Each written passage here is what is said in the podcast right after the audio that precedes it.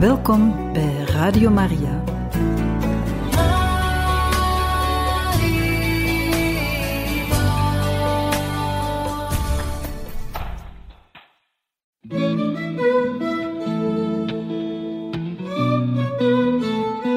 De kerk spreekt. De zorg van een moeder door de eeuwen heen. Een programma van Radio Maria.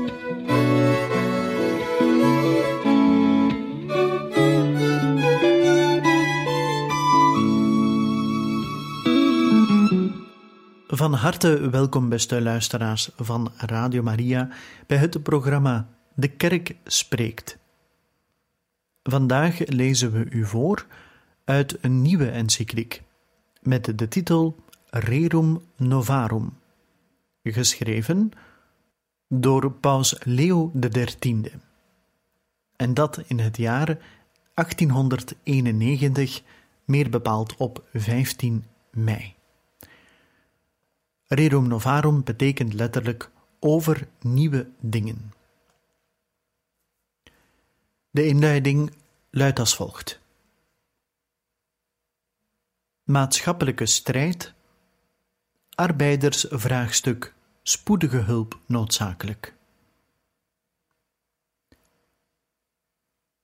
De eenmaal opgewekte omwenteringszucht, die zo lang reeds het politieke leven beroert, moest te eniger tijd wel van het staatkundige naar het aangrenzende sociaal-economische terrein overslaan.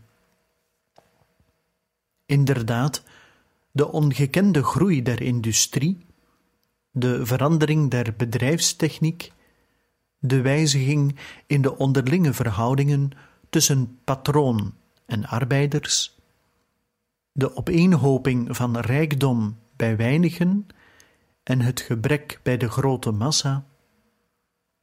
Voorts enerzijds het groter zelfbewustzijn van de arbeiders en anderzijds hun nauwere onderlinge aaneensluiting, bovendien het groeiend zedenbederf.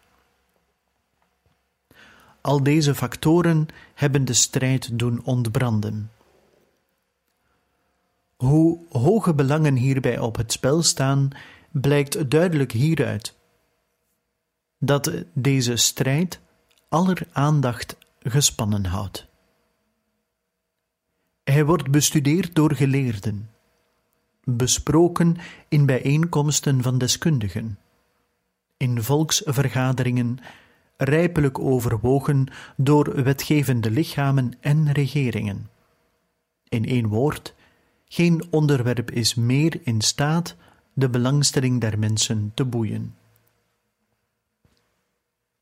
Daarom hebben wij gemeend, eerbiedwaardige broeders, ter wille van het welzijn der kerk en van het algemeen belang, juist als wij vroeger deden door het uitvaardigen der encyclieken over het staatsgezag, de menselijke vrijheid, de christelijke inrichting der staten en andere soortgelijke onderwerpen, ter doelmatige weerlegging van verkeerde opvattingen, dit ook thans en om dezelfde redenen te moeten doen, wat betreft de toestand van de arbeiders.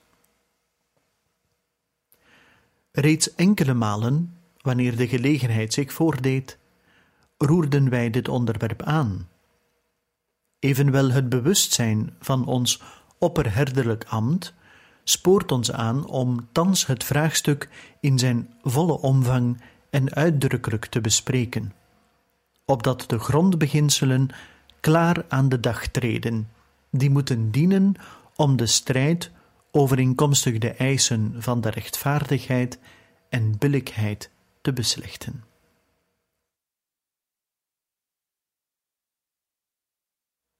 De oplossing van het vraagstuk is niet gemakkelijk en evenmin zonder gevaar.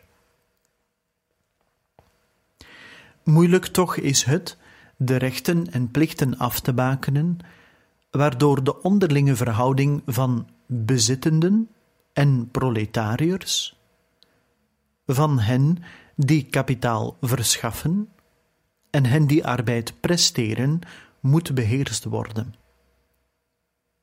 Vol gevaren, inderdaad, is deze strijdvraag, daar zij door woelzieke en arglistige personen niet zelden misbruikt wordt, om het juiste inzicht te vertroebelen en de massa tot oproer aan te zetten.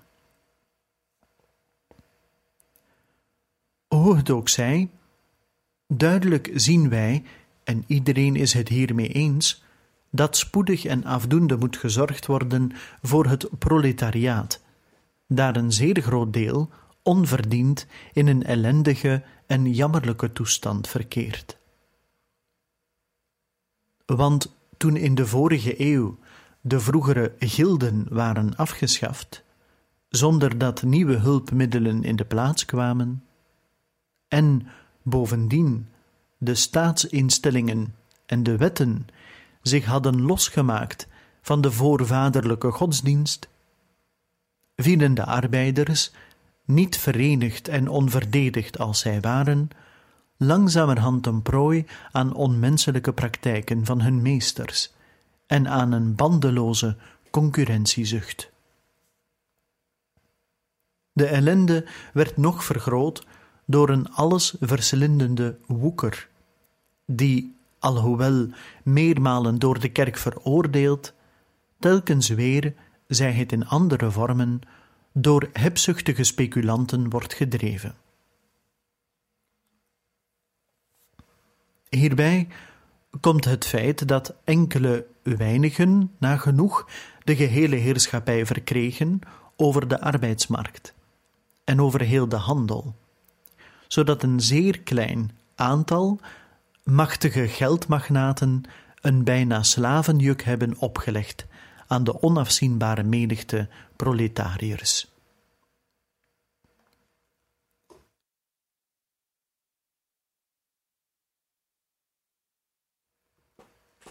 Deel 1 De oplossing van het socialisme is verwerpelijk. Het natuurrechtelijk karakter van de privaateigendom.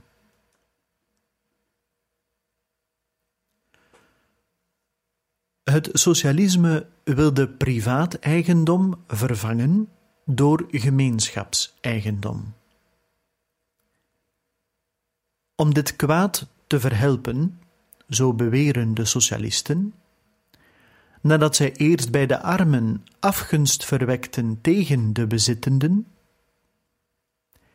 dat het privaatbezit moet opgeheven worden en omgezet in gemeenschappelijk eigendom onder leiding van hen die aan het hoofd staan, of van de gemeente, of van de gehele staat.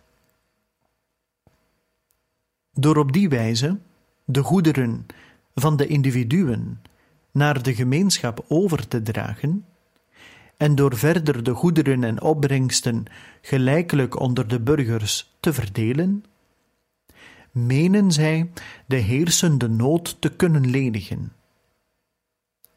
Maar zo weinig is hun systeem in staat om de strijd te beslechten, dat het zelfs de arbeidersstand benadeelt. Bovendien is dit systeem ook zeer onrechtvaardig, omdat het geweld pleegt tegenover de rechtmatige bezitters. De taak van de staat verkeerd opzet en volslagen verwarring brengt in de maatschappij.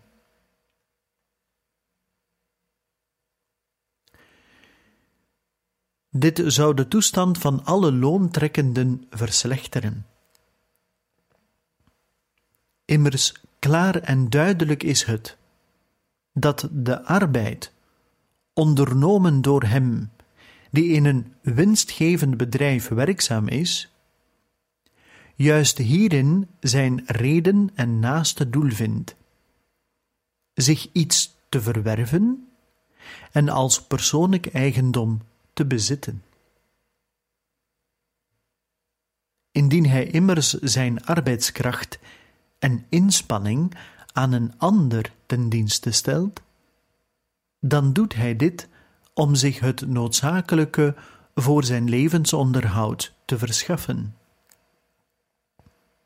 Krachtens de gepresteerde arbeid verwerft hij zich dan ook het volle en strikte recht, niet slechts op het loon, doch ook op de vrije loonsbesteding.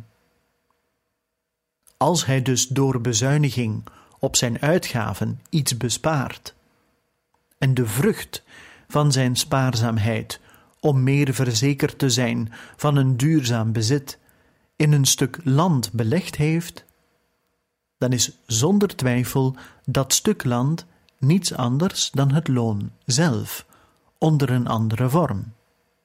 En daarom moet het stuk land, al dus door de arbeider gekocht, evenzeer van hem zijn, als het door zijn arbeid gewonnen loon. Maar juist hierin bestaat, zoals men gemakkelijk begrijpt, het eigendom van roerende en onroerende goederen. Derhalve verslechteren de socialisten daardoor dat zij de goederen van de individuen willen overbrengen op de gemeenschap, de toestand van alle loontrekkenden, immers door hun de vrijheid te benemen om hun loon te beleggen, beroven zij de arbeiders van de hoop en de mogelijkheid om hun bezit te vermeerderen en hun toestand te verbeteren.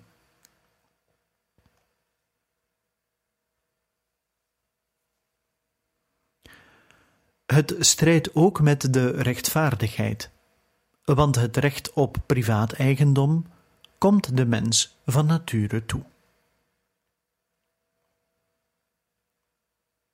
Ten eerste, als individu. Doch wat ernstiger is, zij stellen een redmiddel voor, openlijk in strijd met de rechtvaardigheid. Omdat goederen in privaat eigendom te bezitten een recht is, de mens door de natuur geschonken. Inderdaad, ook hierin is een zeer groot verschil tussen de mens en het dier. De dieren immers kunnen zichzelf niet besturen, maar zij worden geleid en bestuurd door een tweevoudig natuurlijk instinct. Daardoor wordt aan de ene kant het vermogen om te handelen wakker en worden hun krachten behoorlijk ontwikkeld, en van de andere kant worden daardoor tevens hun bewegingen ieder afzonderlijk gewekt en bepaald. Door het ene instinct worden zij gedreven tot zelfbehoud en zelfverdediging, door het andere tot instandhouding van de soort. Tot dit dubbel doel geraken zij heel gemakkelijk door het gebruiken van datgene wat voor het ogenblik onder hun bereik ligt.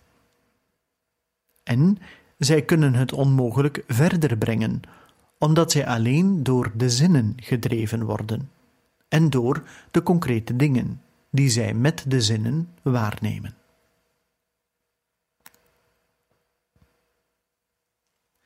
Geheel anders staat het met de menselijke natuur. Deze bezit wel het gehele en volle vermogen van het zinnelijk leven, en daarom is het uit dien hoofde de mens gegeven van de stoffelijke dingen te genieten, zeker niet in mindere mate dan de overige levende wezens. Maar de dierlijke natuur zelf, in haar hoogste volmaaktheid, evenaart geenszins de menselijke natuur. Nee, ze staat daar zelfs ver beneden en is geroepen om haar te gehoorzamen en te dienen. Wat ons echter hoog plaatst boven het dier, waardoor de mens mens is en wezenlijk van het dier verschilt, is het verstand, de rede. En hierom juist, omdat namelijk alleen de mens met rede begaafd is, moeten aan de mens goederen verstrekt worden, niet alleen ten gebruike, wat geldt van alle levende wezens, maar in vast en blijvend bezit. En niet louter verbruiksartikelen, maar ook goederen die na het gebruik nog in stand blijven.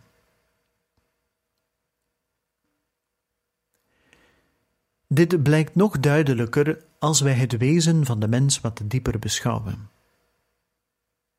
Daar immers de mens met zijn reden ontelbare dingen omvat, de toekomst in verband brengt met het heden en meester is van zijn eigen handelingen, daarom bestuurt hij onder leiding van de eeuwige wet en Gods albesturende voorzienigheid zichzelf met vooruitziend overleg. En daardoor ook is hij in staat datgene te kiezen wat volgens zijn mening dienstig is tot zijn verzorging. Niet slechts voor het heden, maar ook voor de toekomst. Hieruit volgt dat de mens niet alleen het eigendom moet hebben van de vruchten der aarde, maar ook van de aarde zelf omdat hij ziet dat uit haar opbrengst het noodzakelijke voor de toekomst hem verschaft wordt. De behoeften van iedere mens keren, om zo te zeggen, altijd door terug en vandaag, bevredigd, stellen zij nieuwe eisen voor morgen. Daarom moet de natuur aan de mens iets gegeven hebben dat duurzaam is en altijd blijvend, opdat daarvan een duurzame behoeftebevrediging kan verwacht worden. Welnu, niets anders dan de aarde met haar overvloed kan zulk een blijvende voorziening waarborgen. Voor dit alles staatsvoorziening te eisen is daarom onredelijk.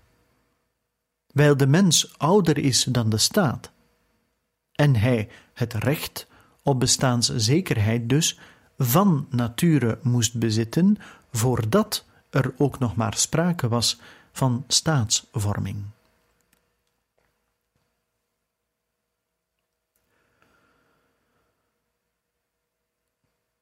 Dat echter God de aarde aan het mensdom in zijn geheel heeft gegeven, om er nut en voordelen uit te trekken, en dit kan zeker op geenerlei wijze een beletsel zijn voor het privaatbezit.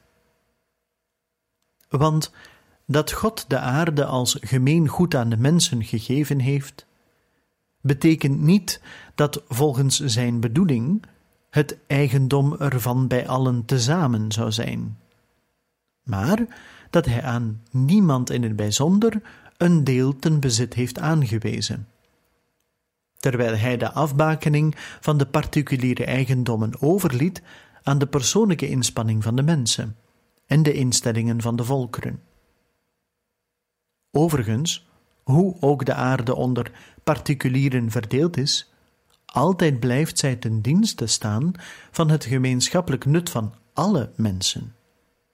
Aangezien er geen sterveling is, of hij wordt door de opbrengst van de aarde gevoed. Wie verstoken is van vermogen, vult dit aan door arbeid. Zo kan men naar waarheid zeggen dat het middel om zich levensonderhoud te verschaffen enkel en alleen bestaat in de arbeid, welke men verricht of op eigen grond, of in een ander bedrijf tegen een loon, dat tenslotte alleen geput wordt uit de rijke opbrengst van de aarde, en daarvoor weer wordt ingeruild.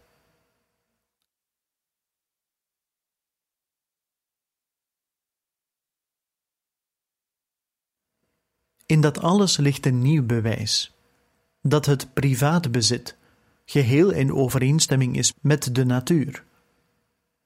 Wel immers schenkt de aarde in rijke overvloed alles wat vereist wordt tot instandhouding en vervolmaking vooral van het leven, maar uit zichzelf, zonder door de mens bebouwd en verzorgd te worden, zou zij die dingen niet kunnen voorbrengen. Welnu, daar de mens de inspanning van de geest en de krachten van zijn lichaam ten beste geeft om zich de goederen van de natuur te verwerven, ontstaat juist hierdoor een band tussen hem en dat deel van de stoffelijke natuur dat hij bewerkt heeft en waarop hij de stempel van zijn persoonlijkheid als het ware heeft ingedrukt, zodat het alleszins gerechtvaardigd moet heten als hij dat gedeelte in eigendom bezit en het niemand vrijstaat hem hoe dan ook in zijn recht te krenken. De kracht van deze bewijzen is zo duidelijk dat het verwonderlijk mag schijnen hoe sommigen het er niet mee eens zijn en verouderde theorieën weer gangbaar willen maken. Zij kennen het individu wel het gebruik toe van de grond en de velerlei opbrengsten van de bodem, maar dat hij als eigenaar zou mogen bezitten de grond waarop hij gebouwd heeft, of het land door hem bewerkt, dat recht ontkennen zij beslist.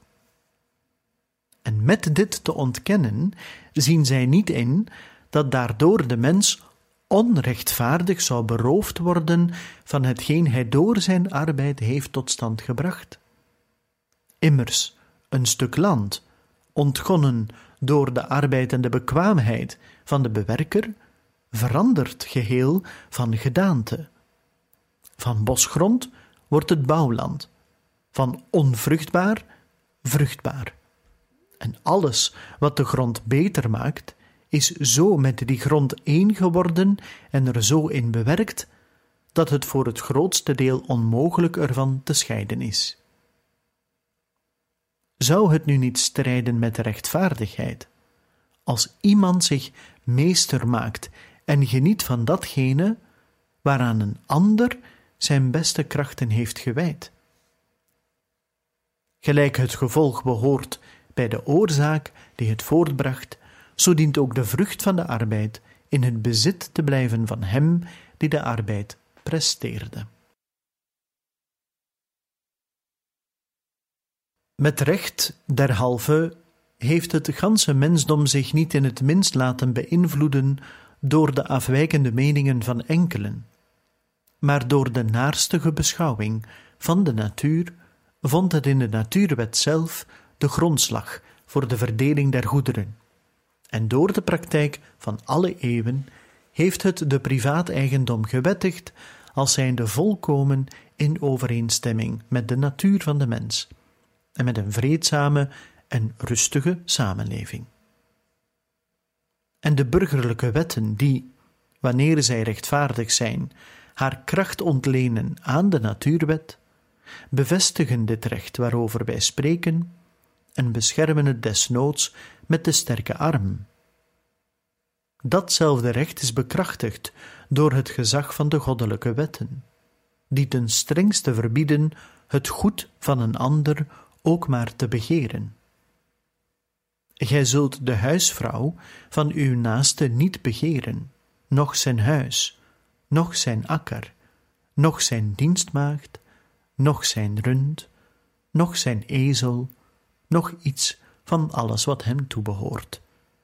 Een passage uit het boek Deuteronomium, hoofdstuk 5, vers 21.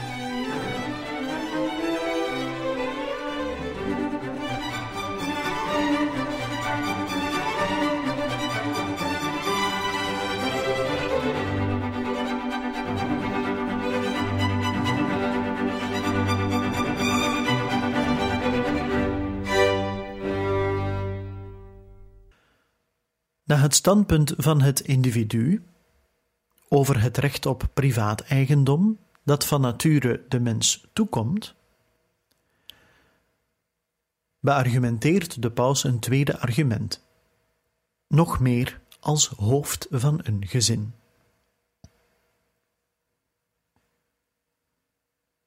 Deze rechten nu, die de mens als individu bezit, blijken nog hechter gefundeerd te zijn wanneer zij beschouwd worden in verband en samenhang met de plichten van de mens in zijn gezinsleven. Zonder twijfel staat het een ieder bij het kiezen van een levensstaat volkomen vrij aan één van beide de voorkeur te geven. Ofwel Jezus Christus raad op te volgen over de maagdelijke staat, ofwel zich te verbinden door de huwelijksband. Geen menselijke wetten kunnen het natuurlijk en oorspronkelijk recht om te huwen de mens ontnemen, noch het hoofddoel van het huwelijk, door Gods gezag in den beginnen vastgesteld, hoe dan ook beperken wast aan en vermenigvuldigt u. Zo horen we in het boek Genesis, hoofdstuk 1, vers 28. Zie daar dan het huisgezin, de huiselijke maatschappij, die, hoe klein dan ook, toch een maatschappij is in de volle zin van het woord, en zelfs voorafgaat aan elk staatsverband, en daarom moet zij ook een aantal eigen rechten en plichten hebben, geheel en al onafhankelijk van de staat. Het eigendomsrecht, dat, zoals wij bewezen hebben, door de natuur aan de mens als individu is verleend, moet dus ook toegekend worden aan de mens als hoofd van het gezin. Zelfs is dit recht hier te sterker naarmate de menselijke persoon in gezinsverband meer belangen bevat. Het is een onschendbare natuurwet dat de vader van het gezin voedsel en al het nodige verschaft aan wie hij het leven schonk. En eveneens streeft hij van nature ernaar om die kinderen waarin immers de persoon van de Vader zich afspiegelt en als het ware voortleeft, de middelen te verwerven en te verkrijgen, waardoor zij bij de wisselvalligheden van het leven zich op passende wijze tegen rampspoed kunnen dekken. Doch dit is hem slechts mogelijk door het bezit van vruchtdragende goederen, die hij bij erflating aan zijn kinderen kan overdragen. Gelijk de staat, zo is ook, zoals we zeiden, het huisgezin in de volle zin van het woord een maatschappij, die door een eigen gezag, namelijk dat van de vader, bestuurd wordt. Daarom ook heeft het huisgezin, natuurlijk binnen de grenzen door zijn naaste doel afgebakend, bij het kiezen en toepassen van de middelen die het nodig heeft voor zijn behoud en rechtmatige onafhankelijkheid, minstens gelijke rechten, zeiden wij. Immers, daar de huishoudelijke samenleving en logisch en feitelijk aan het staatsverband voorafgaat, volgt daaruit ook dat zijn rechten ouder zijn en meer onmiddellijk uit de natuur voortvloeien. En indien de individuen, indien de gezinnen, delen uitmakend van de maatschappelijke en staatkundige samenleving, bij de staat zouden vinden, in plaats van hulp belemmering, in plaats van bescherming vermindering van hun rechten, dan zou men die samenleving veel eer moeten verwerpen dan wensen. Het miskent de taak van de staat.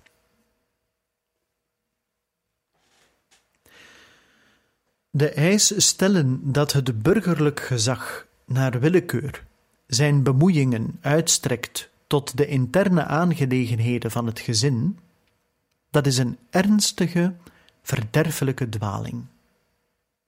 Natuurlijk, als een of ander gezin in zeer grote moeilijkheden verkeert en ten einde raad is, zodat het zichzelf op geen enkel andere wijze weet te redden, dan moet van staatswege in die uiterste nood hulp worden geboden.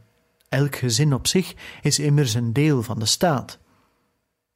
Evenzo moet het staatsgezag, indien ergens binnen de muren van het gezin de wederzijdse rechten op ernstige wijze geschonden worden, aan ieder zijn recht verzekeren. Hiermee immers eigent het zich niet de rechten van de burgers toe, maar beschermt en beveiligt ze, wat ook zijn recht en plicht is. Verder evenwel mag de burgerlijke overheid niet gaan. Deze grenzen overschrijden is een strijd met de natuur. Het vaderlijk gezag is van die aard dat de staat het zich niet mag toe-eigenen, noch vernietigen, omdat het eenzelfde gemeenschappelijke oorsprong heeft als het leven zelf van de mens. De kinderen zijn iets van de vader, en als het ware een uitbreiding van zijn persoon. En strikt genomen worden zij niet door zichzelf, maar door de huishoudelijke gemeenschap waarin zij geboren zijn, leden van de burgerlijke maatschappij. En dit wel om deze reden: dat de kinderen van nature iets van de vader zijn, voordat zij het gebruik van hun vrije wil hebben, staan zij onder de zorg van de ouders. Als dus de socialisten in plaats van de ouderlijke zorg staatsvoorziening willen invoeren, dan handelen zij tegen de natuurlijke gerechtigheid en verbreken zij de samenhang van het gezin.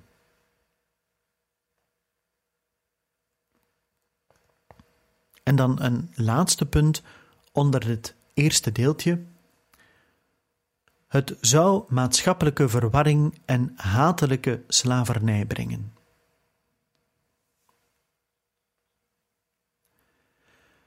Bovendien is het maar al te duidelijk, afgezien van de onrechtvaardigheid, hoeveel stoornis en verwarring bij alle standen, welke een harde en hatelijke slavernij van de burgers zou volgen.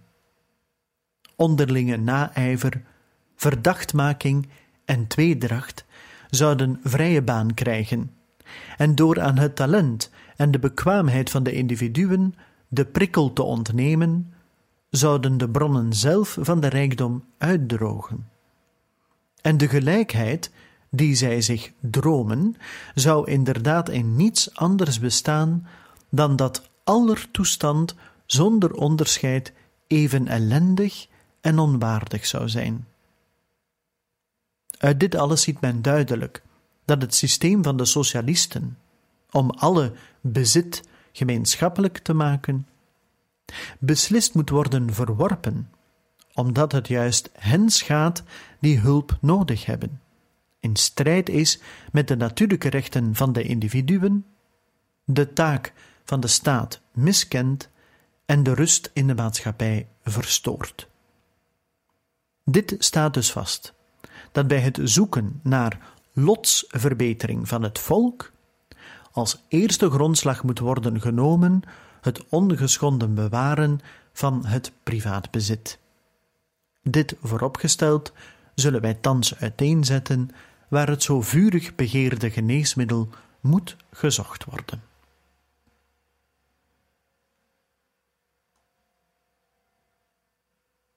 Deel 2 De juiste oplossing van het vraagstuk. De kerk, maar ook de staat en de belanghebbenden moeten meewerken. De taak van de kerk. Puntje 1. Haar bevoegdheid. Haar medewerking onmisbaar. Vol vertrouwen en geheel in overeenstemming met ons recht nemen wij dit onderwerp in behandeling, omdat het hier gaat over een zaak waardoor geen, althans geen aannemelijke oplossing, zal gevonden worden, tenzij met behulp van de godsdienst en de kerk. Daar het nu vooral onze taak is over de godsdienst te waken en te beschikken over datgene wat de kerk in haar macht heeft, zouden wij door zwijgen schuldig schijnen aan plichtverzuim.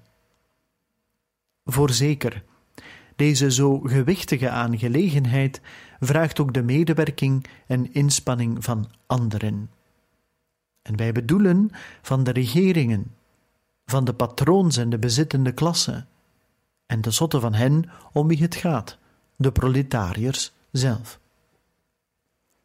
Maar dit verklaren wij zonder aarzelen, dat alle pogingen van de mensen zonder vrucht zullen blijven wanneer de kerk wordt uitgeschakeld.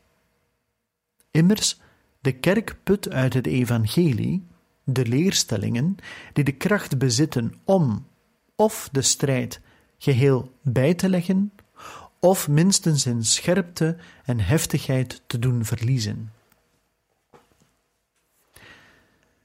Zij ook beijvert zich om ieders levenspraktijk door haar voorschriften te vormen.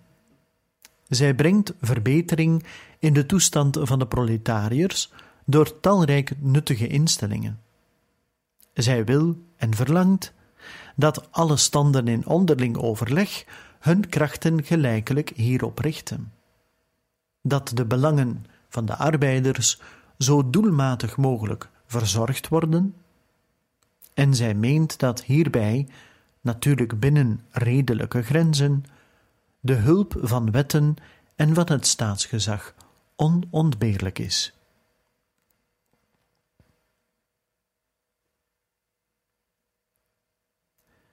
Puntje 2. Haar leer.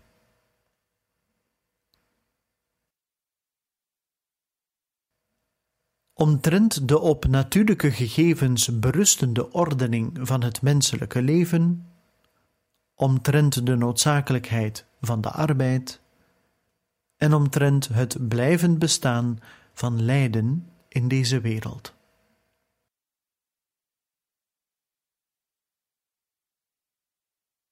Vooraf zij vastgesteld dat men niet moet ingaan tegen de voor de mensheid vastgestelde ordening. Dat in de maatschappij het lagere niet aan het hogere gelijk kan worden. Hiernaar streven wel de socialisten, maar elk streven, ingaande tegen de natuur, blijft vruchteloos. De mensen immers verschillen onderling in zeer vele en voorname punten. Niet allen bezitten hetzelfde verstand, dezelfde bekwaamheid, dezelfde gezondheid, dezelfde krachten. Het gevolg van dit noodzakelijk verschil is vanzelf een ongelijk fortuin. Hetgeen alleszins zowel aan de individuen als aan de gemeenschap ten goede komt. Immers in het gemeenschappelijke leven is verscheidenheid van prestatievermogen en functies noodzakelijk om iets tot stand te brengen. En juist door het verschil van fortuin worden de mensen aangedreven om die functies te verrichten. En wat lichaamsarbeid betreft, zelfs in de staat van onschuld zou de mens daarvan niet geheel bevrijd zijn gebleven. Maar terwijl hij dan de arbeid vrijwillig zou gekozen hebben tot ontspanning van zijn geest, moest hij daarna in harde noodzaak, niet zonder weerzin, deze op zich nemen tot uitboeting van onschuld. Zo horen we in het boek Genesis: De aarde zij gevloekt in uw werk, in veel arbeid zult gij ervan eten alle dagen van uw leven.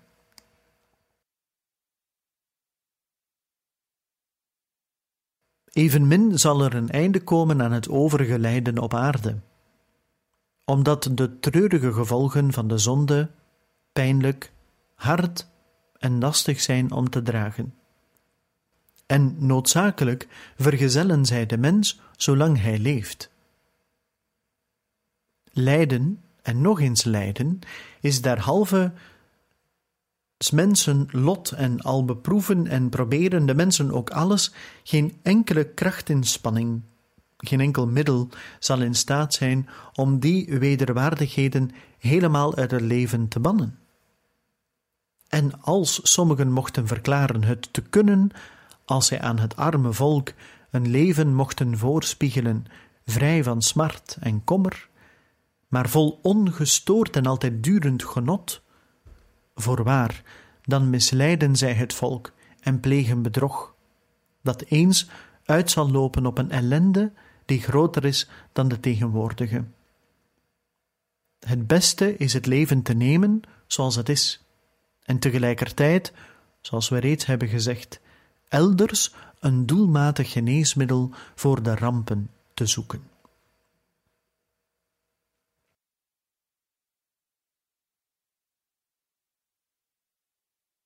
Omtrent de natuurlijke samengehorigheid van de klassen. Bij het vraagstuk dat ons bezighoudt, is dit een hoofdfout. Zich in te beelden dat de ene klasse uiteraard vijandig staat tegenover de andere, alsof de rijken en de armen van nature bestemd waren tot een hardnekkige onderlinge strijd. Geheel en al druist dit in tegen rede en waarheid. Het staat zelfs in tegendeel ontwijfelbaar vast dat, gelijk in het lichaam, de ledematen, alhoewel onder elkaar verschillend, toch bij elkaar passen. Waaruit die juiste verhouding ontstaat, welke men terecht symmetrie noemt. Zo ook de natuur heeft voorgeschreven dat de twee klassen in de staat eendrachtig met elkaar samenleven en al dus het juiste evenwicht bewaren. In elk opzicht heeft de ene klasse de andere nodig. Geen kapitaal kan bestaan zonder arbeid, noch arbeid zonder kapitaal. Eendracht kweekt schoonheid en orde en daartegenover ontstaat uit aanhoudende strijd noodzakelijkerwijze wanorde en ruwe verwildering. Om deze strijd nu te beëindigen en om zelfs de oorzaken ervan weg te nemen, daartoe bezit het christendom een wonderbare en tevens veelzijdige kracht.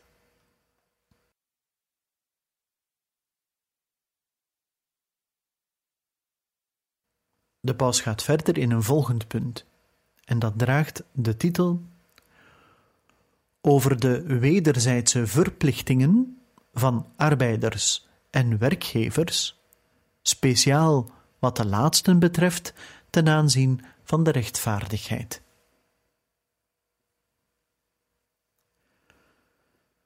Voor eerst dan in de gehele godsdienstleer, die de kerk bewaart en aan de mensen voorhoudt, een zeer grote kracht om de rijken en de armen bij elkaar te brengen en met elkaar te verzoenen, door namelijk beide klassen weer te brengen tot haar wederzijdse verplichtingen, vooral die welke haar oorsprong vinden in de rechtvaardigheid. Van deze verplichtingen betreffen de volgende de proletariër en de werkman. Volledig en getrouw de arbeid verrichten, waartoe men zich verplicht heeft door een vrij en billig contract. Op geenerlei wijze het eigendom van de patroon beschadigen, noch diens persoon krenken. Ook bij het verdedigen van zijn belangen zich van geweld onthouden en in geen geval oproer maken zich niet aansluiten bij misdadige personen, die op bedriegelijke wijze buitensporige verwachtingen wekken en schitterende beloftes doen, hetgeen gewoonlijk uitloopt op nutteloos naberouw en vernietiging van vermogen. Voor de rijken en de werkgevers gelden de volgende verplichtingen. Zij moeten de werklieden niet als slaven beschouwen. Zij zijn verplicht in hen de waardigheid van hun persoon te eerbiedigen, die in elk geval geadeld is door hetgeen men het merkteken van de christen noemt. Loonarbeid strekt volgens de natuur en de christelijke wijsbegeerte de mens niet tot schande, maar tot eer, omdat hij hem in staat stelt om op eerzame wijze in het levensonderhoud te voorzien. Maar inderdaad, schandelijk en onmenselijk is het de mensen uit te buiten om winst te maken, als waren het zaken en hen niet hoger te schatten dan de kracht van hun spieren. Eveneens moet rekening gehouden worden met de godsdienstige en zedelijke belangen van de arbeiders. En daarom zijn de bazen verplicht te zorgen dat de arbeiders op de daarvoor passende tijd zijn godsdienstplichten kan vervullen. Zij mogen de mensen niet blootstellen aan de verlokkingen van het bederf en de verleiding tot zonde, noch hen op enigerlei manier afhouden van zorg voor hun gezin en het beoefenen van de spaarzaamheid. Evenmin mogen zij hun meer werk opleggen dan hun krachten kunnen verzetten. Nog ook zodanige arbeid als strijd met leeftijd of sekse. Maar onder al de zware verplichtingen van de bazen staat vooral deze op de voorgrond aan ieder te geven wat rechtvaardig is. Het is waar. Bij een rechtvaardige loonbepaling moet men meerdere factoren in rekening brengen, maar in het algemeen moeten de rijken en de patroons, de bazen, zich wel herinneren dat behoeftigen en zwakken uit te buiten, ten eigen bate en winst te zoeken uit de hulpeloosheid van anderen, indruist tegen goddelijk en menselijk recht. Maar het verschuldigde loon onthouden is een zeer zware zonde, die luide de wrekende toren van de hemel afroept. Ziet, het achterstallige loon van de arbeiders schreeuwt luid tegen u op. Hun kreten dringen door in de oren des Heeren Sabaoth. Zo staat in de brief van de heilige apostel Jacobus, hoofdstuk 5, vers 4. Ten slotte moeten de rijken er zich nauwgezet voor wachten dat zij nog door geweld noch door list, noch door woekerpraktijken zich vergrijpen aan de spaarpenningen der arbeiders, te meer omdat deze niet voldoende beschermd zijn tegen onrecht en willekeur, en hun bezit, naarmate het geringer is, des te meer recht heeft op eerbiediging. zou alleen reeds het nakomen van deze voorschriften niet in staat zijn om de heftigheid en de oorzaken van de strijd weg te nemen.